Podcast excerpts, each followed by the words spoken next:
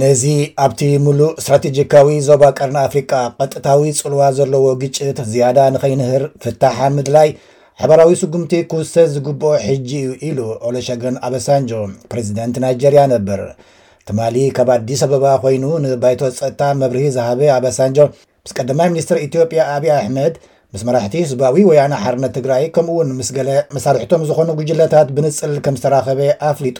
ወጥሪ ንምህዳእን ዝርርብ ንምጅማርን ኣብ ኣዲስ ኣበባ ዘለዉ ኮነ ኣብ ሰሜን ዘለዉ መራሕቲ በብውልቆም ክዛረቡ ከለዉ ፍልልያቶም ፖለቲካዊ ፍታሕ ከም ዝደልዩን ብልዝብ ክፈትሕዎ ከም ዝደልዩን ይሰማምዑ እዮም ዝበለ ፍሉይ ልኡኽ ሕብረት ኣፍሪቃ እዚ ማለት ንህዝቢ ኢትዮጵያ ኣብ ምሕጋዝ ብሓባር ክንሰርሕ ዕድል ዝህብ እዩ፣ ነቲ ዝቕጽል ዘሎ ግጭት ኣብ ምዕራፍን ነባሪ ፍታሕ ኣብ ምድላይን ኢሉ።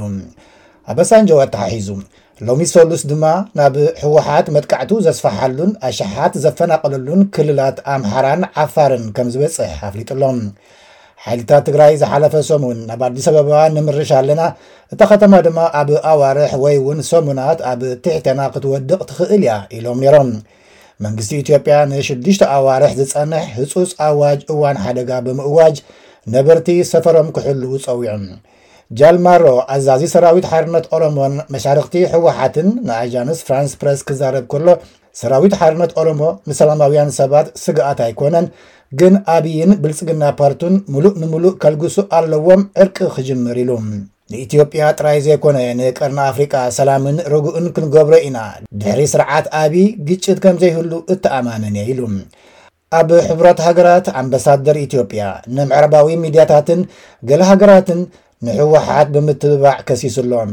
ክሳብ ንሓደ ብህዝቢ ዝተመርጸ መንግስቲ ንምእላይን ሚእትን ዓሰርተ ክልተን ሚልዮን ህዝቢ ንዘለዋ ሃገር ንምርባሽን እዮም ኣጀኹም ዝበሃሉ ዘለዉ ዝበለ ኣምባሳደር ታየ ህዝቂ ስላሴ ንጉጅለ ሕወሓት ናይ ኮሚኒኬሽን ኣቕሑት፣ ናይ ሳተላይት ሓበሬታ ኣጽዋራት ወላ እውን ናይ ተዋጋእቲ ሓገዝ ዝገብርሉ ዘለዉ ወገናት ካብ ተግባራቶም ክቑጠቡ ነተሓሳስብ ኢሉ ኣሎ። ሓላፊት ፖለቲካዊ ውድብ ሕቡራት ሃገራት ሮዝማሪ ዲካርሎ ብወገና እቲ ግጭት ኣብ ኣዕናዊ ደረጃ በጺሑ ከምዘሎ ድሕሪ ምጥንቃቕ ቀልጢፉ ደው እንተዘይሉ እታ ካብ ኣፍሪቃ ብብዝሒ ህዝቢ ካልኣይቲ ዝኾነት ኣገዳሲት ሃገር ናብ መምለሲ ዘይብሉ ኲናት ሕድሕድ ክትሽመም ትኽእል እያ ኢላ። እቲ ኲናት ንዞባዊ ርግኣት ቀርኒ ኣፍሪቃ የስግእ ከም ዘሎ እውን ሚሲስ ዲካርሎ ሓቢራ። ኣብ ሕቡራት ሃገራት ኣምበሳደር ኣሜሪካ ሊንዳ ቶማስ ግሪንፊልድ ብወገና እቲ ኹናት እናተናውሐ እንተኸይዱ መንገዲ ሰላም እውን እናተረረ ክኸይድ እዩ። ከምቲ ወኪል ሕብረት ኣፍሪቃ ኣባሳንጆ ዝበሎ መስኮት ዕድል ውሱን እዩ፣ ግዜ ከኣ ይጽንቀቕ ኣሎ። ስለዚ ኩሎም ወገናት ካብ ጸድፊ ተመሊሶም ንህዝቦም ናብ ሰላም ክመርሕዎ ብትሪ ከተሓሳስብ እደሊ ኢላ።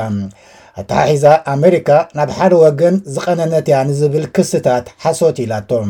ብንጹር ክዛረበኩም ብኹሎም ወገናት ዝግበር ጎንጺ ንኾንኖ ኢና፣ ብኹሎም ዝፍጸም ዝኾነ ጥሕሰት ሰብኣዊ መሰላት ድማ ንኹንኖ ኢና ኢላ ኣምባሳደር ኣሜሪካ።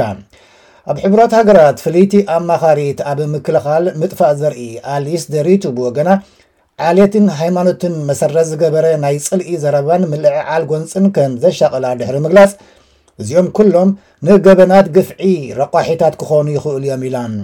ካብ ኣባሳንጆ ብተወሳኺ ሓላፊ ሰብኣዊ ረድኤት ሕቡራት ሃገራት ማርቲን ግሪፍት እውን ኣብ ኢትዮጵያ ዝገበሮ ናይ ኣርባዕተ መዓልታት ዑደት ትማሊ ሶኒ ዛዚሙ ኣሎ።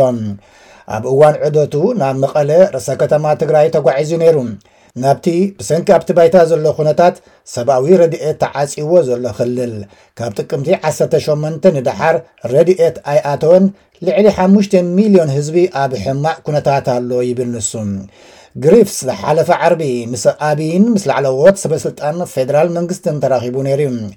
ናይ ኣሜሪካ ፍሉይ ልኡኽ ንቀርኒ ኣፍሪቃ ጀፍሪ ፊልትማን እውን ካብ ዝሓለፈ ሓሙስ ጀሚሩ ኣብቲ ዞባ ቀንዩ ኣሎ ብመሰረት ሓበሬታ ወሃቢ ቃል ሚኒስትሪ ወፃኢ ኣሜሪካ ኔድ ፕራይስ ጀፍሪ ፊልትማን ኣብዚ ሰዓት እዚ ኣብ ኣዲስ ኣበባ እዩ ዘሎ